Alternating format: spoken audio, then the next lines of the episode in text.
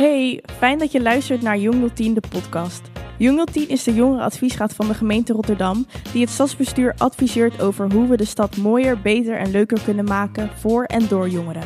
In deze vijfdelige podcastreeks in aanloop naar de komende gemeenteraadsverkiezingen gaan we in gesprek over thema's die voor jongeren niet in het volgende coalitieakkoord mogen ontbreken. Ik ben Tishana En ik ben Wijnand. en vandaag gaan we in gesprek over werk en inkomen. Werk is zo bepalend in je leven. Het vormt namelijk de basis van wat je met je leven kan gaan doen. Maar hoe je aan een baan komt en ook nog eens eentje waar je gelukkig van wordt, dat lukt niet elke jongere. Daarnaast speelt er vaak van alles mee waardoor je kans op een baan nu of in de toekomst groter of kleiner wordt. Vandaag willen we het over deze onderwerpen hebben. En dat doen we met Joshua Priele, begeleider van jongeren bij Young Up, en Alina Dani Bel, voorzitter van FFV Young United.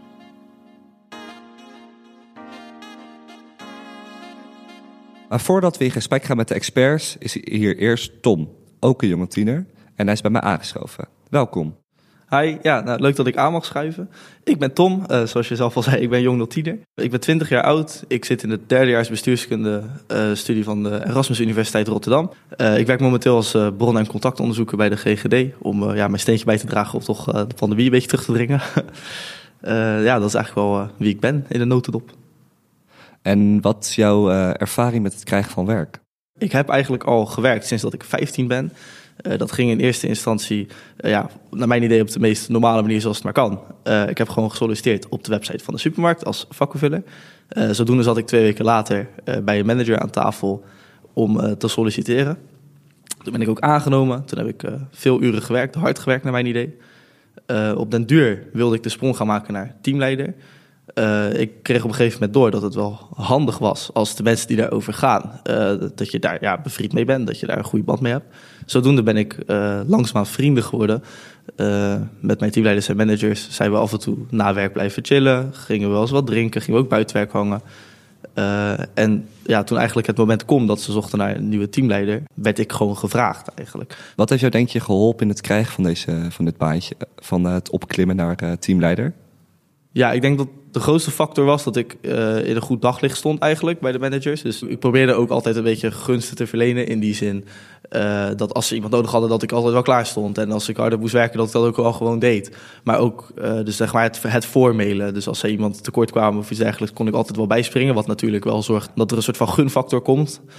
Uh, en aan de andere kant was er ook een informele band. Dus uh, we waren ook echt bevriend buiten werk. En op het werk ging het ook vaak over zaken die niet eigenlijk met het werk uh, te maken hadden. Was het veel gelach, gegier en gebrul, zeg maar. Dus ik denk dat beide factoren heel erg hebben geholpen. Dat ik eigenlijk altijd klaar stond voor ze. En aan de andere kant dat we ook gewoon echt goed bevriend waren. En hoe, heeft, hoe heb je het baantje voor bron- en contactonderzoek gekregen? ja, ik ben er eigenlijk heel toevallig op terechtgekomen. Toen mijn baantje bij uh, de supermarkt voorbij was als uh, manager, was ik eigenlijk meteen op zoek naar een nieuwe baan. En op het moment dat ik besloot een nieuwe baan te gaan zoeken, kreeg ik twee dagen later in een eigenlijk een best wel willekeurige WhatsApp-groep waar ik in zat, een link doorgestuurd met: Hey, dit bedrijf zoekt nog bron- en contactonderzoekers. Uh, goede um, werkomstandigheden, hoog uurloon, je mag vanuit huis werken. Ik dacht, nou, dat klinkt goed. Dus ik klikte op de link en het was inderdaad een contract voor 24 uur per week voor een goed salaris, volledig thuiswerken. En ik dacht, nou, dat klinkt me als muziek in de oren. En toen heb ik uh, ja, de normale sollicitatieprocedure doorgelopen. Zou je zeggen dat je netwerk uh, hierbij heeft geholpen? Dat je, doordat je een breed netwerk hebt, dat je ook die mogelijkheden hebt gekregen? Ja, zeker weten. Ik heb in de, ja, in de supermarkt dan is het wel natuurlijk zo geweest dat ik naar mijn idee zelf het netwerk echt heb gemaakt. Dat ik daar wel heel actief mijn best voor heb gedaan. En bij de uh, baantje van bron- en contactonderzoek uh, kwam het eigenlijk op mijn pad omdat ik dan in een WhatsApp groep zat met mensen van mijn netwerk. Ja, dus daar ja. kwam het echt meer op mijn pad. Ja, ik vind het wel grappig, want ik heb ook uh, diezelfde ervaring. Ik had inderdaad ook um, dat ik eigenlijk niet op zoek was naar een baantje. Toen was ik ongeveer uh, 16 jaar. En toen vroeg toevallig iemand uit mijn netwerk: Hey, uh, zou je toevallig bij het restaurant willen werken? Ik werkte ook. Toen had ik gesolliciteerd en eigenlijk werd ik gelijk aangenomen, omdat ik dus via mijn netwerk was binnengekomen. En dan merk ik ook zelf dat eigenlijk een netwerk daarin heel belangrijk is. Je klonk net heel erg positief. Maar zijn er ook dingen die je uh, graag zou willen zien veranderen in de komende vier jaar voor jongeren op het gebied van werk of inkomen? Uh, Jazeker, ik heb daar wel uh, een idee over. Zoals ik eerder ook al had gezegd, ik heb eigenlijk gewerkt sinds mijn vijftiende. En eigenlijk de dag op 23 juni, toen ik 15 werd, heb ik echt meteen gesolliciteerd. Ik weet nog heel goed dat ik op mijn veertiende toen de tijd al wilde werken. En dat dat eigenlijk niet mogelijk was. Gaandeweg heb ik geleerd dat dat vooral een stedelijk probleem is. Simpelweg omdat supermarkten is eigenlijk de meest voorkomende baan voor jongeren. In ieder geval tot een jaartje of 16, 17. Maar zij hebben heel veel aanbod van 15 of 16-jarigen. Waarbij de regels uh, voor wanneer en hoe ze mogen werken, wat ze precies mogen doen, heel uh, flexibel is vergeleken met wat 14-jarigen, uh, waar zij aan gebonden zijn met de regels. Ook als jong 010er hebben we bij onze laatste ontouravonden heel vaak gehoord van ook 14-jarige jongeren dat zij ook heel graag willen werken, maar dat zij simpelweg nergens binnenkomen. Uh, dus vanuit die eigen ervaring, en nou nu ik dan ook weer terug hoor komen en dat het best wel dichtbij me staat, zou ik het best wel tof vinden als de gemeente Rotterdam in ieder geval uh, kan onderzoeken of kijken naar welke mogelijkheden er zijn om 14-jarigen wel aan het werk te krijgen. Ik denk dat dat heel veel voordelen heeft. Want ja, ik bedoel, als je wil werken, dan als je dat echt zelf oprecht wil als 14-jarige, vind ik dat zelf alleen maar een mooi iets. En dan zou daar, naar mijn idee, invulling aan moeten gegeven worden. Hele goeie, maar bij het zoeken van een baantje komt zoveel meer bij kijken. En daarom ga ik nu graag in gesprek met Joshua van Young Up. Hij begeleidt jongeren om een betere positie op de arbeidsmarkt te krijgen. Welkom Joshua, uh, fijn dat je er bent. Zou je allereerst zelf, jezelf kunnen voorstellen en vertellen wat je doet bij Young Up? Ja, dat doe ik graag. Uh, mijn naam is Joshua en uh, ja, ik zit eigenlijk al 12 jaar bij Young Up. Young Up is net wat ouder, 15 jaar al bijna. En ja, ooit begonnen als een stichting. voor jongeren heel veel diverse projecten gedaan, omtrent van talentontwikkeling. En ja, op een gegeven moment zijn wij een aantal jaar geleden omgeschakeld, ja, gefocust op de arbeidsmarkt. En dat betekent dat wij heel veel jongeren hebben geholpen naar werk. Door middel van jobcoaching. Echt het coachen, maar ook het helpen met het maken van een cv. Die deden we dan voor hun. En een professional cv, eventueel ook nog een videopitch. En uh, bijvoorbeeld uh, oefengesprekken. Hoe jij, zo, ja, oefensollicitatiegesprekken. Wat voor jongeren komen dan eigenlijk precies naar Jong Op toe? Ja, het mooiste van uh, wat wij doen, we hebben wel een soort van unieke doelgroep altijd gehad. Dat we altijd uh, ja, met leuke campagnes uh, jongeren eigenlijk aantrekken. Dus je meldt jezelf aan. Je hebt een aantal stappen, hè, dan bel je en dan kom je langs. Dus wat je ziet is dat ja, degenen die uiteindelijk blijven komen, dat zijn wel echt gemotiveerde jongeren. En ja, dan kunnen we je ook echt helpen. Als je zelf niet wil, dan, dan houdt het ook vrij snel op. Ja, je gaf zelf ook net aan over dat jullie cv's aan jongeren geven en daar, daarbij helpen. Wat doet Young Up nog meer specifiek om hen te helpen aan de baan en ook misschien meer toekomstgericht waar ze terecht willen komen? Ja, je kijkt wat is van uh, wat, waar wil je heen. Uh, dat gaan we altijd uh, eerst mee kijken. En dan gaan we kijken van wat zijn de kansen. Het belangrijke is ook als je solliciteert dat je altijd nog goed onderzoek doet. wat zijn mijn kansen? wat zijn de mogelijkheden? Dus je onderzoekt of jij kansen maakt op een baan of die bij je past. Uh, ja, vooral ja, wat bij je past. Hè. Dat is altijd lastig. Ja. Daar moet je vaak nog iets uh, dieper denken. Uh, vaak heb je al de opleiding gedaan, dan weet je een beetje welke richting je was. Maar we hebben ook gewoon jongeren gehad die het gewoon echt niet wisten. En dan ga je gewoon even kijken van wat, zijn je eigenschappen. En ja, het gaat veel verder denken ook. Hè. Wat zeggen de familie over jou? Wie ben je nou eigenlijk? Dat je eerst daar goed over nadenkt. en, en dan kan je kijken van... je hoeft nog ineens altijd te kijken van wat voor baan je wil hebben, maar soms van wat voor bedrijf misschien. Dat je nog iets specifiek gaat kijken van uh, wil je bij een groot bedrijf werken, klein bedrijf, uh, uh, op, op die manier. En heb je daar ook een concreet voorbeeld van, van de jongeren die jullie hebben geholpen? Ja, vooral jongeren die dan die gewoon aan de slag hebben gezeten. Solliciteer gewoon, kijken hoe, hoe het is. doe vrijwilligerswerk. het belangrijkste is bij ons, je weet het niet, maar blijf in ieder geval aan het werk. Want dat is uiteindelijk, maakt niet uit waar je terechtkomt. Vaak als je gaat solliciteren, werkgevers kijken naar je cv en die zien vaak als ze gaten zien, dan is dat altijd ja, niet goed iets. dat, is, dat is iets wat je wel moet aanpakken en dat kan door diverse manieren. je kan ook gewoon, je hebt misschien een familiebedrijf, ga daar aan de slag, hè, maar zet het ook gewoon op je cv. Dus zorg ervoor dat je altijd bezig bent. En kan ook met vrijwilligerswerk. En dan kan je daar tijdens ook gewoon achterkomen van, vind ik dit leuk? En dat in plaats van eindeloos solliciteren op één, één, baan.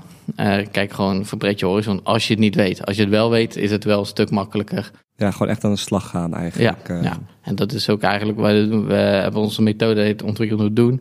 dat hebben we altijd gedaan. Je gaat gewoon aan de slag. En dat, dan hebben we de methodiek is dan plan, do, check, act principe. En dan eerst gewoon je gaat je Plan, plan... do- wat was het? Ja, plan, do, check, act. Ik Plan, al- do, check, act. dus je goeie. beginnen met plannen, hè, plan. Ja. En eh, ja, je gaat een actie doen. Hè. Je gaat eh, zoeken naar eh, vacatures. En je gaat hier je, je gaat een brief opstellen. Hè. Dat doen ook echt. en, en, en je gaat solliciteren. Ja. En, en belangrijk is van check. Hè, dus niet blijven doen. Van ik word niet aangenomen of ik word niet, of, ik word niet uitgenodigd voor een gesprek. En dan is het belangrijk dat je gaat gaat checken van waarom is dat niet. Ik raad altijd aan, bel gewoon op en vraag gewoon, eh, gewoon eh, op van hey, waar ligt het aan? Eh, wat kan ik verbeteren? En niet van hey, waarom heb je mij niet aangenomen, maar gewoon op hey, ik Ja. wil graag eh, mijn kansen vergroten. Eh, wat kan ik beter doen? En eh, meestal eh, is iedereen gewoon bereid om daar gewoon antwoord op te geven.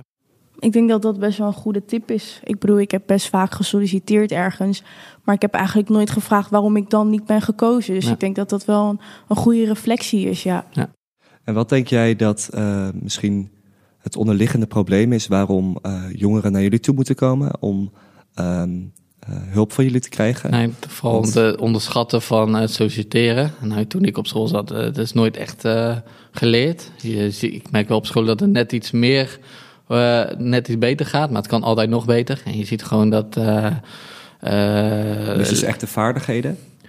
Eh, een stukje vaardigheid, maar ook gewoon weten wat is nou eigenlijk solliciteren. Het is eigenlijk, eh, ik noem dat een fulltime job. Als je ge- geen werk hebt, je kan, je, dan kan je, eh naar bewijs van spreken, gewoon 30 so- sollicitaties in de week uitsturen. Als je zoveel tijd hebt.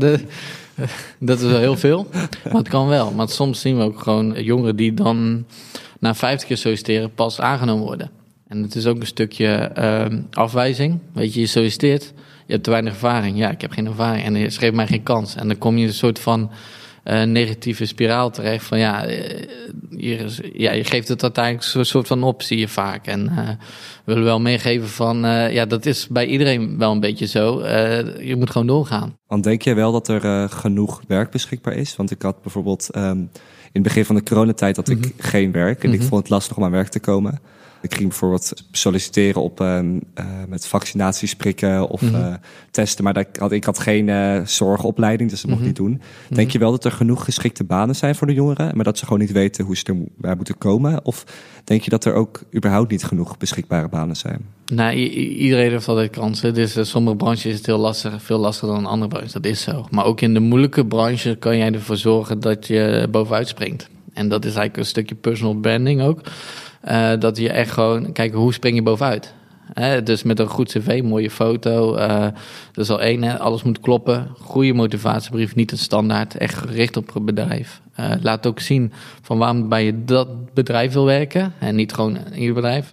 Ja, nee, dat denk ik ook wel. En je hebt ook best wel veel praktische voorbeelden genoemd van hoe je het zelf kan verbeteren. Puntje eh zelfreflectie, maar ook dat je bijvoorbeeld de gaten in je cv opvult.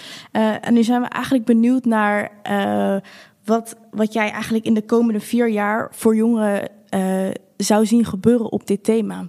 Aan de werkgeverkant is het ook belangrijk dat, dat de werkgevers ook ja, een beetje met de tijd meegaan. Je ziet dat vaak, ja, je ziet het al in deze tijden dat ze net iets ja, minder streng zijn op ervaring. eh, omdat ze gewoon heel moeilijk aan personeel kunnen komen. En eh, dat ze toch meer gaan kijken naar eh, motivatie en talent. Nou, mooie woorden, Joshua. Eh Dank je wel voor je bijdrage. Ja, graag gedaan.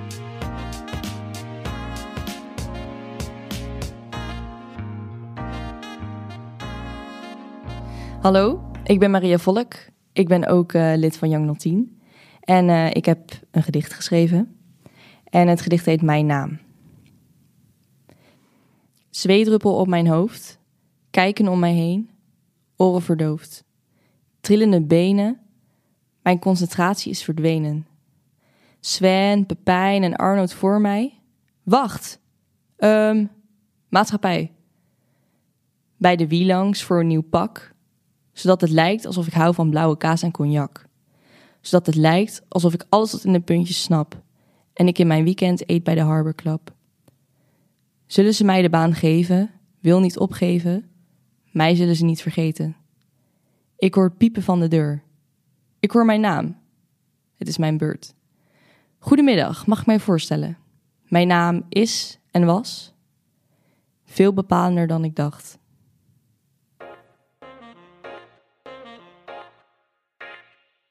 Bij mij aan tafel zit iemand die opkomt voor de rechten van jongeren om goed werk en inkomen te krijgen. Dan heb ik het over niemand minder dan Alina Danny Bel, voorzitter van FNV Young and United. Welkom Alina. Hi. Voor de luisteraars thuis, wie ben jij? Ja, nou, ik ben dus Alina.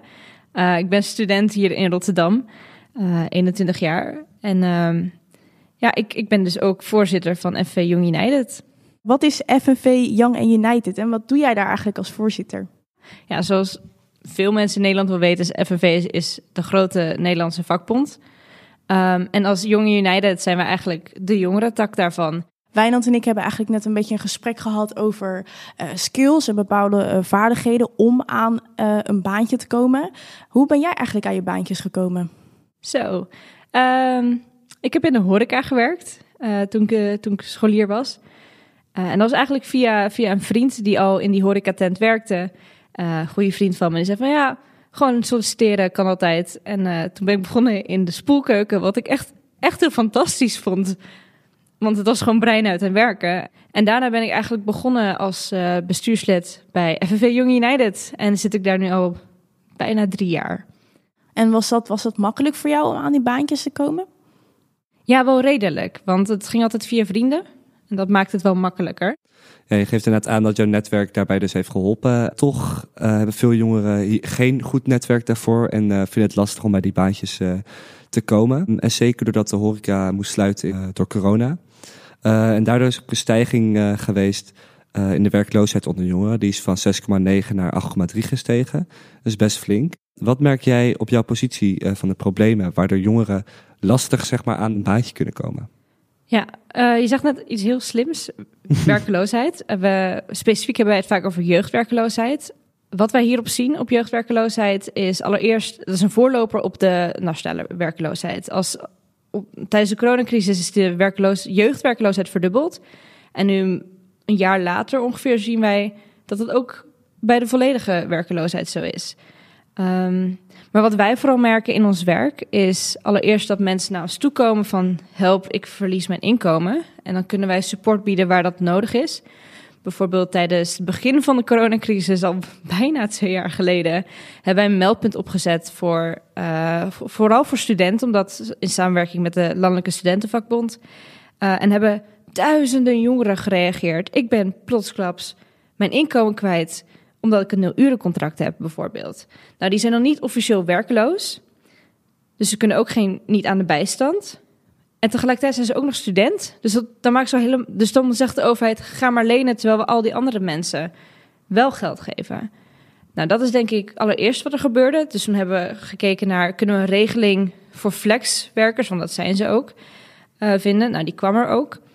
Um, en wat er ook gebeurde tijdens de coronacrisis was dat uh, sociale zaken bij ons kwam aankloppen. En die zei van, hey, wij gaan een aanpak jeugdwerkloosheid doen. En deze is heel interessant, want zo'n aanpak jeugdwerkloosheid komt keer op keer terug. En die komt elke keer in crisis. En dan is hij weer weg na de crisis. En dan een paar jaar later komt er weer crisis. En ze zeggen, we hebben weer een aanpak jeugdwerkloosheid nodig. Waarbij wij constant nu zeggen, oké, we weten dat dit een cyclus is. Laten we hier structureel op investeren. Structureel uh, een aanpak van maken. Dus dat je eigenlijk um, gewoon, ook al is er geen crisis, ook die jeugdwerkloosheid blijft aanpakken. En komt het denk je doordat jongeren veel flexwerk hebben, dat zij uh, gelijk worden getroffen? Of wat denk je dat, wat dat de reden daarvoor is? Er zijn een paar redenen. Flexwerk is inderdaad één zo'n reden. Uh, een andere reden is first in, first out. Is hoe wij denken, zeg maar, minst ervaren, eerst eruit. Ja, en flexwerk. En, en flexwerk is ook wel een hele interessante. Want wij hebben flexwerk zo ingericht in Nederland dat, dat je als flexwerk ben je ook dan volledig flexibel. Hè? Dus, dus je uren zijn dan flexibel, je loon is flexibel. Um, maar tegelijkertijd zijn er wel een paar dingen waar je dan aan moet voldoen. Terwijl als wij kijken in ons onderzoek dat wij zelf doen onder onze, onder onze eigen achterban, dan zien we juist heel veel jongeren die zeggen: Ik zou het heel fijn vinden om uh, flexibele werktijden te hebben om flexibele werkplekken te hebben, om, nou ja, dat noemen wij dus interne flex, dus binnen in je contract flexibele mogelijkheden te hebben. Maar ik wil geen flex hebben op mijn zekerheid van inkomen. Um, en dat is denk ik het grootste probleem wat we hebben met flexwerk in Nederland is dat flex zo gefocust is op dat er eigenlijk geen volledige zekerheid meer is voor werkende jongeren. Maar is dat ook voor bedrijven uh, gunstig om uh, binnen een contract interne flex te hebben? Want dat lijkt me voor bedrijven soms niet ideaal. Oeh, dat is een hele. Dat is een vraag die ik nog niet eerder heb gehad. Um, wat ik wel weet, is dat het NIDI heeft laatst een onderzoek gedaan over de gevolgen van flex en de verantwoordelijkheid van werkgevers. En daarbij zie je eigenlijk dat werkgevers eigenlijk helemaal niet zo bewust zijn van de nadelen van flexwerk. Uh, maar hoe, of dat zit met interne flex binnen bij zo'n werkgever. Wat ik wel denk, is dat jij een stuk loyalere werknemers gaat krijgen. Dat je mensen krijgt die meer hart hebben, die meer productief waarschijnlijk worden.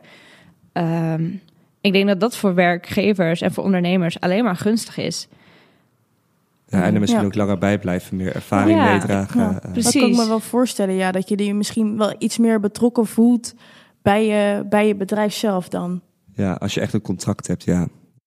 Zijn er oplossingen voor uh, om de positie van jongeren uh, te verstevigen?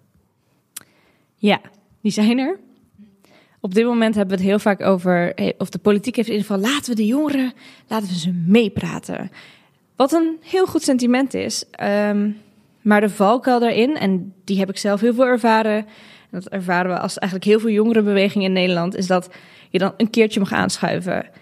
En dat de politieke partijen daar dan zeggen, ja, we hebben toch met jullie gepraat, waarom blijven jullie dan aanbellen? En het ding met jongerenparticipatie is niet zo dat je ze één keer langs moet laten komen en een woordje en even luisteren en dan handen schudden en verder. Maar je moet ze structureel meenemen. Dus zet ze structureel op posities waar ze invloed moeten hebben. Niet, niet alleen kunnen hebben, maar moeten hebben. Zijn er denk je nog meer problemen die moeten worden getackeld? Nog andere problemen naast uh, de jongerenparticipatie? Ja, nou ja, jeugdwerkloosheid zei ik al. Um, er zijn nog twee dingen op de arbeidsmarkt die, die best wel een groot probleem spelen. Uh, dat is allereerst de jeugdschalen. Vanaf, uh, of eigenlijk vanaf je 21ste pas verdien jij volwassen loon in air quotes. Dat betekent dus dat je dan pas eigenlijk loon krijgt dat je, dat je kosten dekt. Terwijl we zien dat heel veel jongeren vanaf 18 jaar, die werken gewoon dezelfde uren, die doen hetzelfde werk. Misschien nog niet zoveel ervaring, maar dat geeft niks. Daarvoor hebben we ook natuurlijk zeg maar andere schalen. Maar als we het hebben over het minimumloon, dan is het eigenlijk belachelijk dat we 18-jarigen maar de helft betalen van het werk dat ze leveren. En dat is een heel groot probleem eigenlijk, want je creëert een imbalans. En je creëert ook een probleem dat deze mensen gewoon niet hun huur kunnen betalen, niet hun boodschappen kunnen betalen. Weet je, sommigen zitten inderdaad nog in, in uh, de hoede van hun ouders, maar dat maakt niet uit. Het zijn gewoon volwaardige volwassen mensen. Nou, dat moeten we gewoon afschaffen. Ja. dat moet gewoon. En dat gaat ook langzamerhand. Uh, de politiek is er gewoon nog niet. En uh, een ander probleem zijn stages. En stages zijn heel belangrijk in de ontwikkeling van jonge mensen die, die de arbeidsmarkt op gaan. Uh, maar we zien twee problemen met stages. Eén, dat is, ze worden niet vergoed. Dus je krijgt weinig of geen stagevergoeding. En twee is dat uh, we heel veel stagediscriminatie zien. En als ik dan nog een derde mag toevoegen, en die geldt vooral voor het HBO, is dat uh, er stageplekken zijn die eigenlijk verkapte werknemers zijn. Dat zie je heel veel in de journalistiek. Dus, dus stagiairs die worden aangenomen, maar eigenlijk gewoon vanaf dag één volwaardig werk moeten doen zonder echt goede begeleiding. Uh, en dat is veel beter wel geregeld in het MBO dan in het HBO.